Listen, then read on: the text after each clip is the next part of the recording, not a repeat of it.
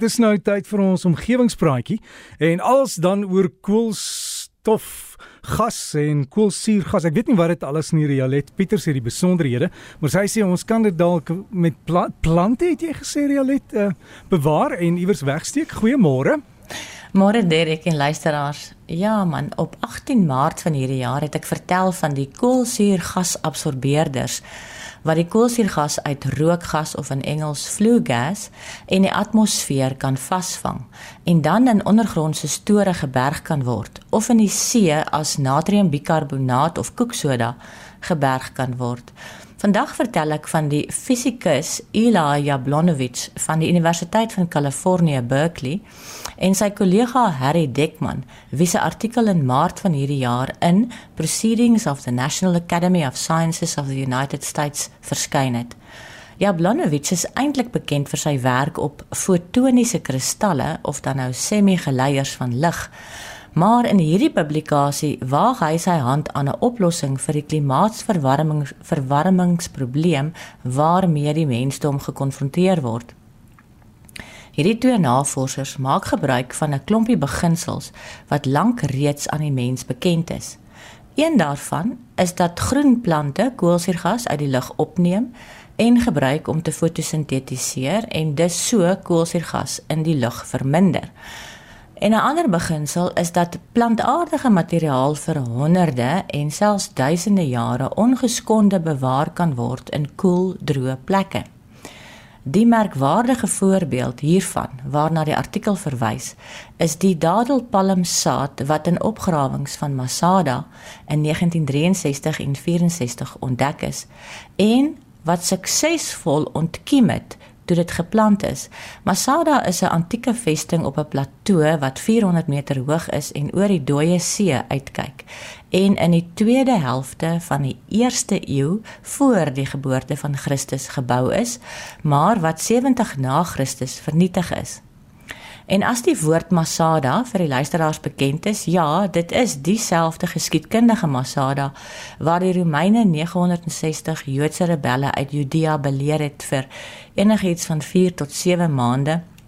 En toe dit lyk of die Romeine hulle uiteindelik gaan binneval, het die Jode self doodgepleeg eerder as om Romeinse slawe te word.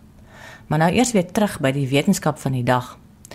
Gemiddeld het Masada een van die droogste klimate op aarde en tydens die opgrawings is die antieke dadelputte in die bouvalle gevind en koolstofdatering het bewys dat die sade toe reeds ouer as 2000 jaar oud was en ten spyte daarvan het dit ontkiem.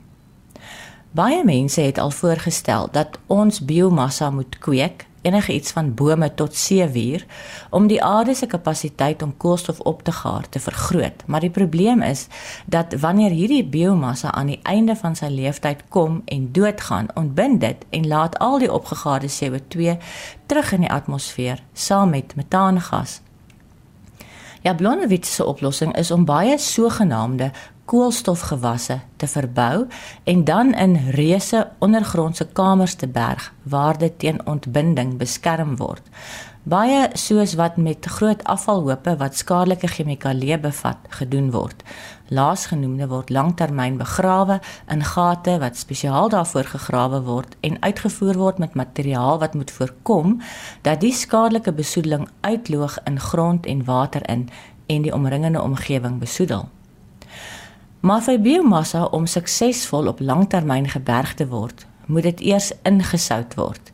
Die sout sal die water uit die reeds droë plantmateriaal verder onttrek en op dië manier word die plantmateriaal nog verder gedroog. Die droë toestande keer dat bakteriese aktiwiteit die biomassa afbreek. Die grootheid wat die mate van droogheid beskryf, staan bekend as die wateraktiwiteit en moenie met voginhoud verwar word nie. Wateraktiwiteit is die relatiewe humiditeit in ewewig met die biomassa of in gewone Afrikaans, die hoeveelheid vry water wat beskikbaar is en wat 'n organisme kan gebruik om te groei. 'n Wateraktiwiteit groter as 0.95 in suurstofryke en selfs suurstofarme omgewings verskaf genoeg vog aan bakterieë, giste en fungi om lewe te onderhou. Maar as die wateraktiwiteit verminder word tot ongeveer 0.61, kan geen lewe meer onderhou word nie. Blykbaar kan tafelsout, dis nou natriumkloried, die wateraktiwiteit tot net 0.75 verlaag. Maar die goedkoop soutte soos kalsiumkloried en magnesiumkloried eh, wat gebruik word om die sneeu op die paaie in die noordelike halfrond te laat smelt, kan die wateraktiwiteit na 0.6 verminder. Die eenvoudige weergawe van die plan is dat boere vinnig groeiende gewasse op arm grond wat nie geskik vir gewone landbou is nie, plant, dit oes, droog, opkap en insout om soveel as moontlik water uit die plantmateriaal te onttrek. Hulle het 'n lys van 50 plantsoorte geïdentifiseer wat ideaal blyk te wees. En dis nou gewasse wat biomassa oplewer tussen 4 en meer as 45 ton droë plantmateriaal per hektaar. Voorbeelde van hierdie plante is ornamentele grasse soos ruitgras of miscanthus en die sogenaamde switchgrass. Um, ek ken nie die Afrikaans vir die woord nie. Die genusnaam is Panicum virgatum. Maar ook die Lobloliden Pinus tahida en dan ook akasias, bloekoms, wilgers, bamboes en selfs suikerriet. Die gedroogde plantmateriaal word dan ondergronds geberg in reuse gate wat met dik plastiek uitgevoer is en ook bedek word met dik plastiek sodat water nie deursyfer daarna toe nie. So kan dit vir duisende jare gepreserveer word. Hierdie is 'n koolstofnegatiewe oplossing. Dit beteken dat vir elke 1 ton droë massa 2 ton koolsuurgas gesekwestreer word. Dit kan dus help om meer en vinniger koolsuurgas uit die atmosfeer te haal as wat prosesse daaraan sou afgee. Volgens berekeninge wat breedvoerig in die artikel en die 85 bladsy aanvullende materiaal verduidelik word, is hierdie metode een van die goedkoper metodes om koolsuurgas te verwyder. Hulle het probeer om aan alles te dink toe hulle die kosteberamings gemaak het. Onder andere die insetkoste van die gewasse, die hoeveelheid sout wat per biomassa eenheid benodig word om die wateraktiwiteit na 0.6 te verlaag en die koste om die groot store wat waterdig moet wees en bly in te rig. Potensiële probleme met die praktiese implementering van hierdie oplossing is natuurlik om groot genoeg areas te kry wat toeganklik is waar die biomassa begrawe kan word en waarom genoeg van die groot hoeveelhede sout in die hande te kry. Nog 'n groot praktiese uitdaging is om die gate waterdig te hou. Jablonowitz stel voor dat die waterdigting gedoen word met onder andere polietileen plastieklaag en geosintetiese klei. En volgens sy berekeninge is hulle plan wat gebaseer is om op wat gebaseer is op dieselfde planne wat gebruik word vir munisipale en industriële afvalhope waar skadelike materiaal begrawe word is die dikte van die laagie water wat die waterdigting in 'n 1000 jaar periode binnendring minder as 1.75 mikrometer.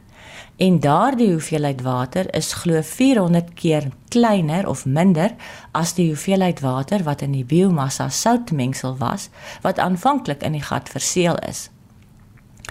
Maar die realis in my wat in Afrika groot geword het en steeds hier bly, dink mens moet maar versigtig te werk gaan met die aanname van mensgemaakte strukture wat vir so lank sal bly hou.